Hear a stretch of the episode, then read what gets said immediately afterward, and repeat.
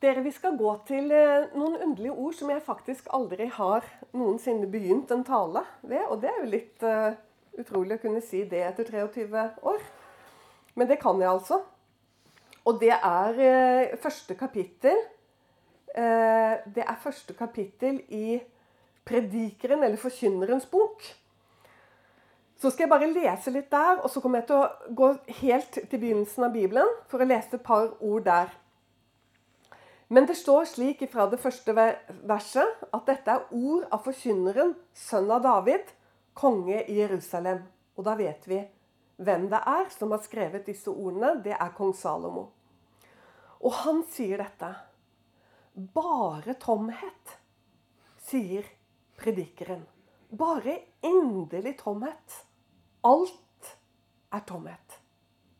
Hva vinning har mennesket av alt sitt strev, som han har møye med her under solen? Og så hopper jeg til åttende verset.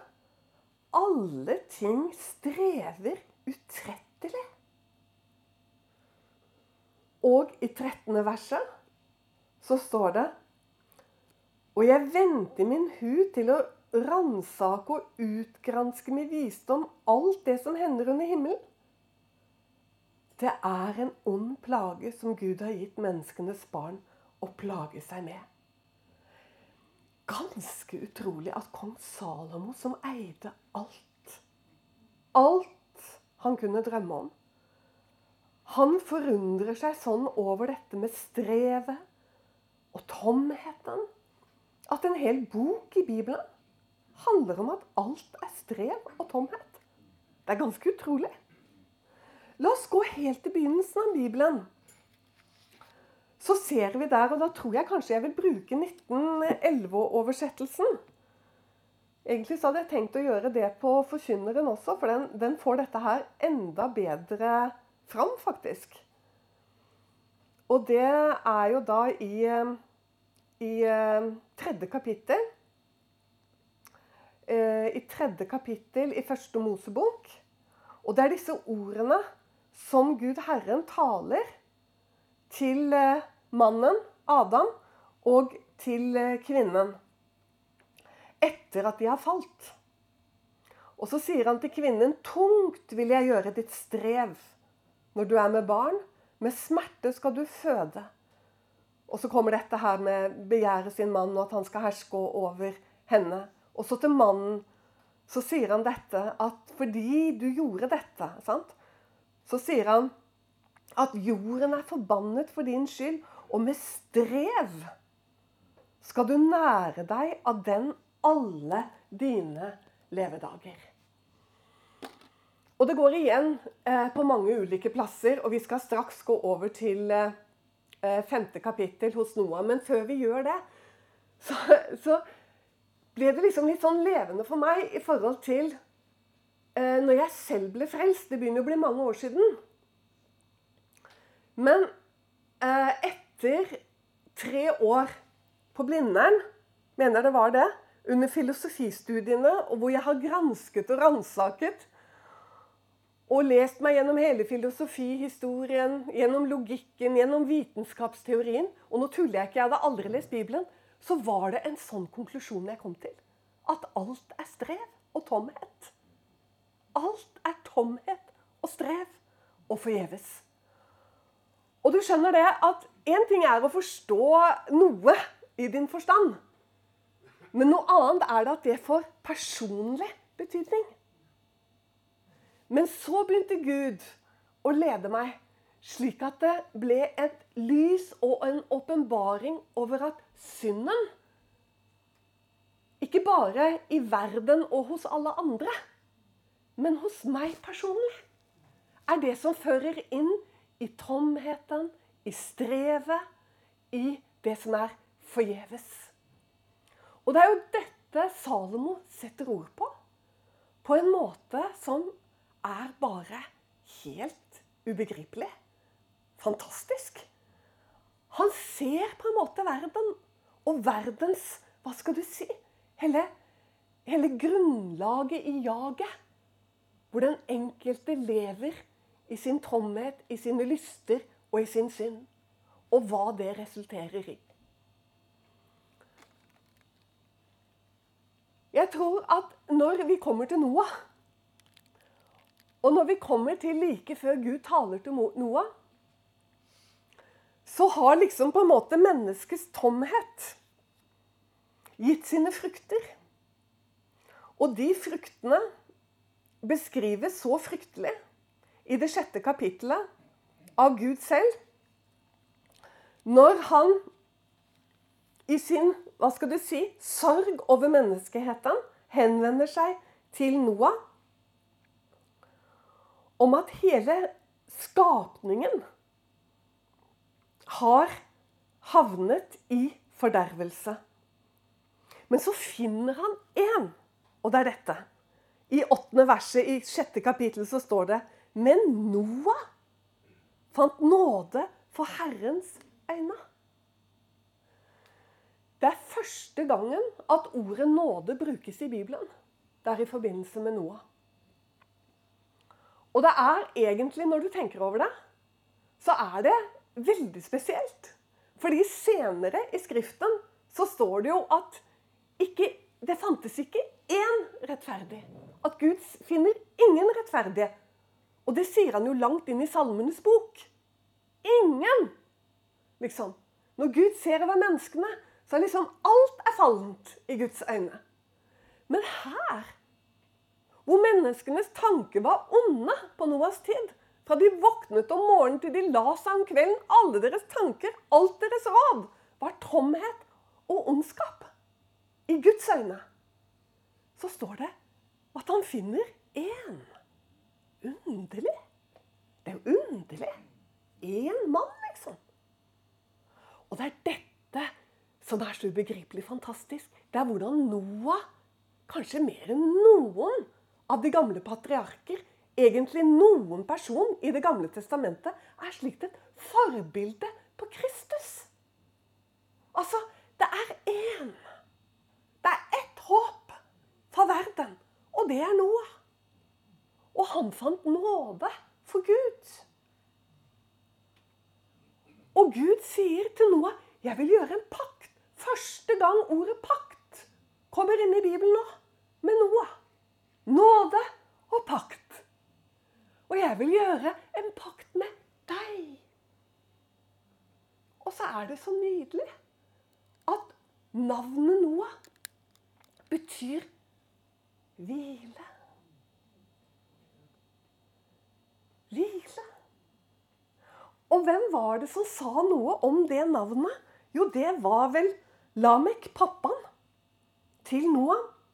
Han sa nemlig det at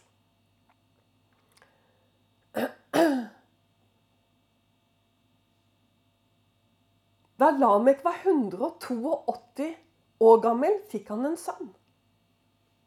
Og han kalte ham Noah og sa han skal trøste, står det i min 1930-oversettelse. Men egentlig her på hebraisk så står det han skal gi oss hvile. Og det kan også bety trøste. Både hvile og trøste.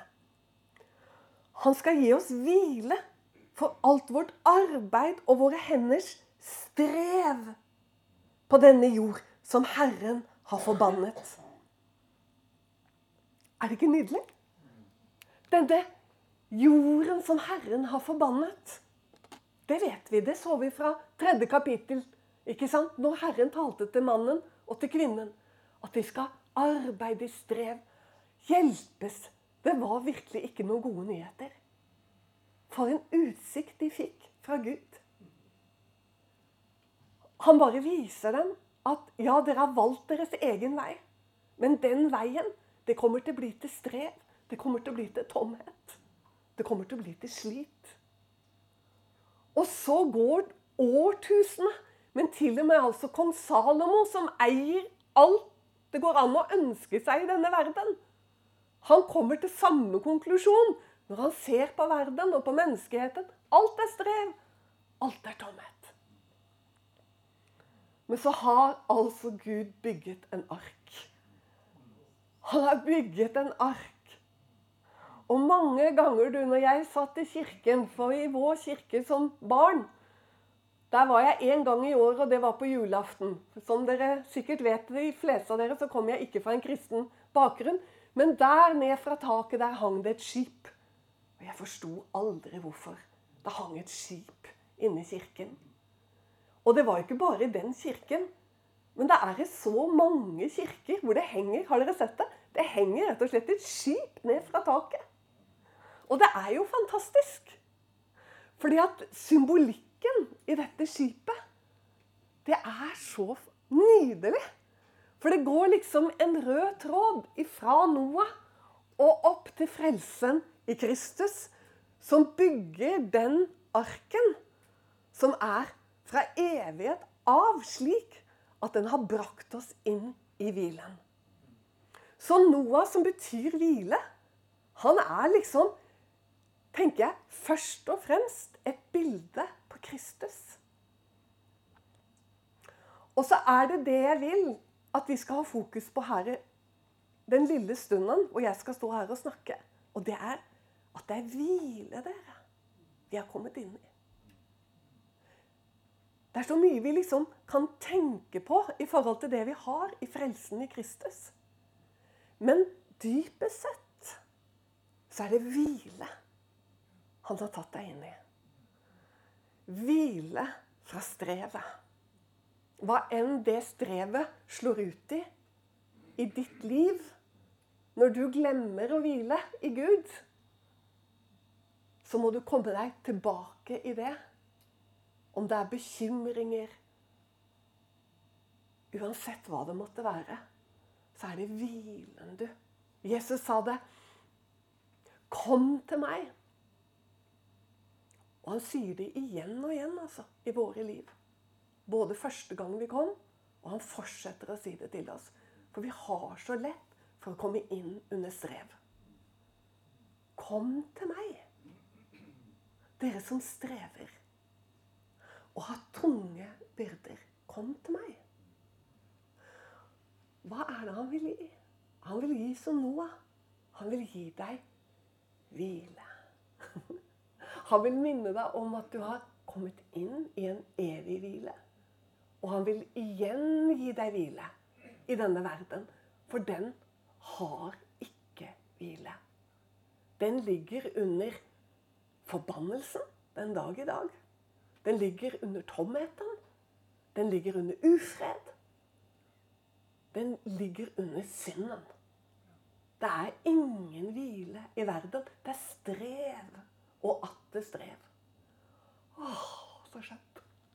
At det er det vi har kommet inn i. Når tankene dine farer hit og dit, ta tak i den og minn deg selv om det. Nei! Jeg er kommet inn i hvilen. Jeg har fred i min Gud. Der ute raser det. Men her inne er det stille og tyst. Det er en sang vi ofte sang i gamle Berøa. Harry Kvale Roald Ringstad de elsket den sangen. 'Legg deg til ro ved hans bryst'. Og jeg syns noen ganger at den var liksom litt sånn Å ja. Jeg vet ikke, det var ikke min yndlingssang. Fordi jeg er en veldig aktiv person. Jeg, jeg syns liksom det var sånn Å, liksom Men du, se på Jesus som min gamle venninne alltid sa til meg hvis jeg var urolig. Jeg vil bare se på Jesus. Og når vi ser på Jesus, så er det det vi ser, altså. Vi ser hvile. Vi ser ro. Fullkommen ro. Fullkommen fred. Hvorfor er dere bekymret? sa Jesus. Satt om og om igjen. På ulike måter. Dere lite troende, kom det noen ganger. Alltid så vil han føre oss tilbake til hvilen, tilbake til roen i Gud. Og dere, jeg får lov å stå og tale dette til dere i dag. Og jeg kjenner at jeg trenger det så veldig selv innenfor det nye året. Og jeg ser alt det jeg har foran meg, og en stappfull bok allerede fram til jul til neste år. Og så tenker jeg hvordan skal jeg greie det? Nå er jeg 60 år. 61, faktisk. Men jeg skal få hvile i Gud. Og Gud må hjelpe oss, dere, at ikke vi formidler strev som kristne. Det vil ikke jeg, og det vil ikke du. Men at vi formidler dette, som er altså en slik klippe. Om himmel og jord forgår, skal mine ord aldri i evighet forgå. Alt som måtte uroes. Sånn. Ja, men dette vet vi jo, Eva. Ja, men det hjelper ikke at du sier at du vet det, hvis ikke du lar deg synke ned i det. Vi må rett og slett komme tilbake til det om og om igjen.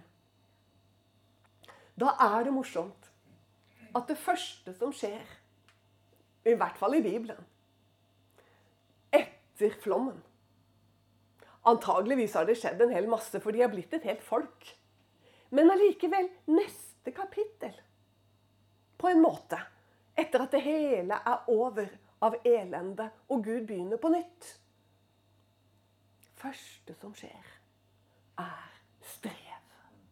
Menneskene som nå, ja, tror på en Gud. De har jo fått oppleve noe helt ubegripelig. Resultatet av sin synd. Så du må regne med at mange av dem har en gudstro. Allerede på Enos sin tid begynte de å påkalle Herrens navn. Og han var jeg vet ikke, tipp, tipp, tipp, tipp, tipp et eller annet til Noah. Så de kjente en gud. De visste om han. Men det første de tok seg fore Når de kom ut av liksom, skjønner du, alt dette her, så er det å begynne å streve. Ja, de tror på Gud. Men du, de bestemmer seg for Kom! La oss bygge. La oss sette i gang, liksom. Og dette er altså så ubehagelig for Gud, Herren, at han, det står at han stiger ned for å se hva menneskene holder på med. Å nei! Å nei, ikke nå igjen, liksom. Du, med en gang vi kommer ut av hvilen i ordet, tilliten til Gud For hadde de hatt tilliten og hvilen i Gud, så hadde de jo gjort det motsatt av å si 'Kom, la oss bygge'. For Gud hadde jo sagt det motsatte. Han hadde sagt 'Spre dere'. Spre dere! Nei, nei, det høres skummelt ut, Gud, fordi at da blir vi jo svake. Og da Nei, nei, nei, det tør vi ikke. Det er mye bedre å gjøre det på vår måte. Men hver gang mennesket velger å gjøre det på sin måte, så kommer det inn under strev og uro og bekymringer. Og på samme måten var det når profeten Jesaja og vi kan lese det i 55. kapittel, så står profeten og roper ut. Kom til vannene. Han roper ut over et folk, et troende folk, som har kommet inn under strev igjen. Hvorfor veier dere opp til det som ikke kan mette. Hvorfor holder dere på igjen med strev og eget måte å løse tingene på? Hvorfor veier dere opp? Du får lese dette på du, Jesaja 5. Hvorfor veier dere opp? Skjønner du? Det som ikke kan mette. Det som ikke kan gi liv. Han roper ut til et folk som har sluttet å stole på Gud. Og når vi slutter å stole på Gud, så slutter vi å tørre å stole på Guds ord. For vi er litt redd for at dette ikke bærer, og vi blir redd for at vi blir svake hvis vi står for dette her, for nå gjør alle andre det på en annen måte. Og hva om vi fortsetter å gjøre det på den gamle måten? Da kommer det jo til å bli kjempevanskelig. Men så sier Gud, kom til meg, dere som strever. Kom og et og drikk uten betaling. Og det er så fint. Jeg er så glad i det. Uten betaling, uten strev, uten noe som du kan bidra med. Kom og få vin og melk. Uten betaling. Uten strev. Gratis. Så sier han Bøy øret, sier han. Fantastisk. Det er liksom, jeg tenker det at det er så vanskelig for oss dette at det ikke er vi og vårt initiativ og vårt strev og vår flinkhet det handler om. At vi faktisk må bøye øret. Vi klarer ikke å høre det i forbifarten, liksom. Vi må liksom gjøre en kraftanstrengelse, og så må vi bøye øret. Fordi det er så unaturlig. Altså, Gud, han er så suveren. Han liksom fått sagt ting med to ord. Han sier 'bøy øret', så skjønner vi alle at det er så unaturlig for oss. Å hvile og stole på Gud og Å stå fast i det enkle, i det overgitte. Det som aldri forandrer seg. Tilliten til Gud og troskapen til Hans ord. Bøy øret til, sier profeten Jesaja. Deg. Og hva er det du, hva vil du skal høre? Jo, du skal få Davids rike miskunn. Det er Kristus. For det var denne åpenbaringen David fikk om Kristus. Den evige hvile i korset. Du skal få Davids rike miskunn. Den som er ny hver morgen. Du slipper ikke ut av det. Ingen kan rive deg ut av Hans ånd så lenge du vil være der. Så får du være der. Det er så vidunderlig! Det er en sånn rik miskunn. Bøy da øret til i dag. Du hviler altså nærmest i, en, i et basseng i Gud Faders kjærlighet. Som ingen kan rykke deg ut av. Altså. Det er helt vidunderlig. Og det var Jesaja 55. Og så, hvis jeg får lov å gjøre et sånn syvmilssteg tilbake inn i Skriften Fordi at du vet at du vet at Kain og Abel Nå er vi helt i begynnelsen, men du begynner der. Det begynner der. For det står det at Kain ble så sinna på Abel. For de var begge troende, og begge trodde på Gud. Men, men Kain begynte å plage Abel. Og han var sinna. Hva er det han var sinna for?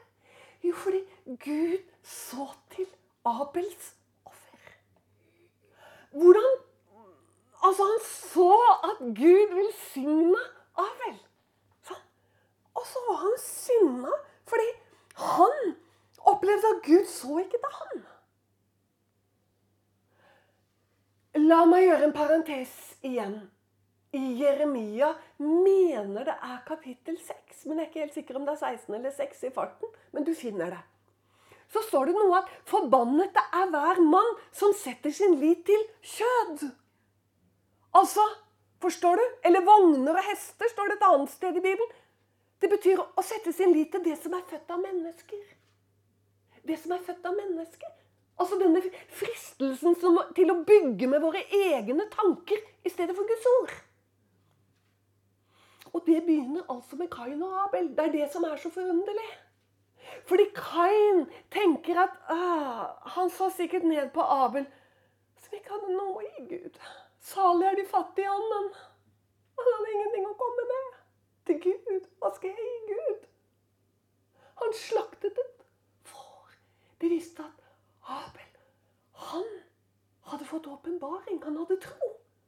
Han slaktet et får og kom med blodet. Han hadde ingenting å gi. Salig er du fattige i ånden, for Guds rike er deres. Og så Kain. Det som er av kjød, har vel alltid forfulgt det som er av ånd. Sånn er det vel i dag òg. Faktisk også i Guds menighet. Men dere hør. Kain var sint. For han kom jo med det som han hadde produsert. Og han syntes sikkert at det var mye finere enn det derre Hva skal jeg si? Kan ikke fortsette å bare komme med det der, liksom. Med korset. Og med det som ingenting har. Men som setter sin lit Gud alene. Han foraktet det. Han syntes det var flott. Han kom til og med med førstegrøten av det han ikke sant, Ser du det? Det han hadde produsert. Akkurat som Babel. Akkurat som Saul. Det er sammenlignende gjennom hele Bibelen. Men Kain, han endte i et land som het Nod, står det. Og på hebraisk betyr det hvileløs vandring. Hvileløst strev. Der endte Kain. Inntil hele slekten ble tatt av flommen. Er det ikke forunderlig? Er det ikke forunderlig hvordan Bibelen er sydd sammen? Det er slik en sammenheng hvis vi får tak i kjernen. Fra første kapittel til siste kapittel. Gud være lovet, som alltid gir oss seier ved vår Herre Jesus Kristus. Noah førte dem inn i båten dere, og til jul så fikk Erlend en julepresang som jeg ble så sjalu på. For det, det, har jeg aldri blitt før. altså. Sjalu på, på Erlends presanger, det, det, har rett og slett aldri passet seg. Rent størrelsesmessig heller. Det har liksom ikke det. Men i år så ble jeg liksom litt sånn sjalu på den presangen Erlend fikk. Vi fikk tre presanger av samme person. Én på fellesskap, én til meg og én til Erlend. Men så pakket Erlend opp sin gave, og det var sånn en nydelig kopp. Og den var så flott, og så var det et anker på det. Og så sto det på baksiden noe som jeg tenkte var så genialt at det var aldeles vidunderlig. Og Erlend elsker denne koppen. Han sitter der og drikker av den og ser på meg at den er min hver dag. Og der står det Lykken er å være om bord. det er så fint! Det er jo så Det summerer jo opp alt. Lykken, dere, kjære brødre og søstre, det er å være om bord. Amen. Stå med oss økonomisk og i bønn. Du finner oss på utentvil.com.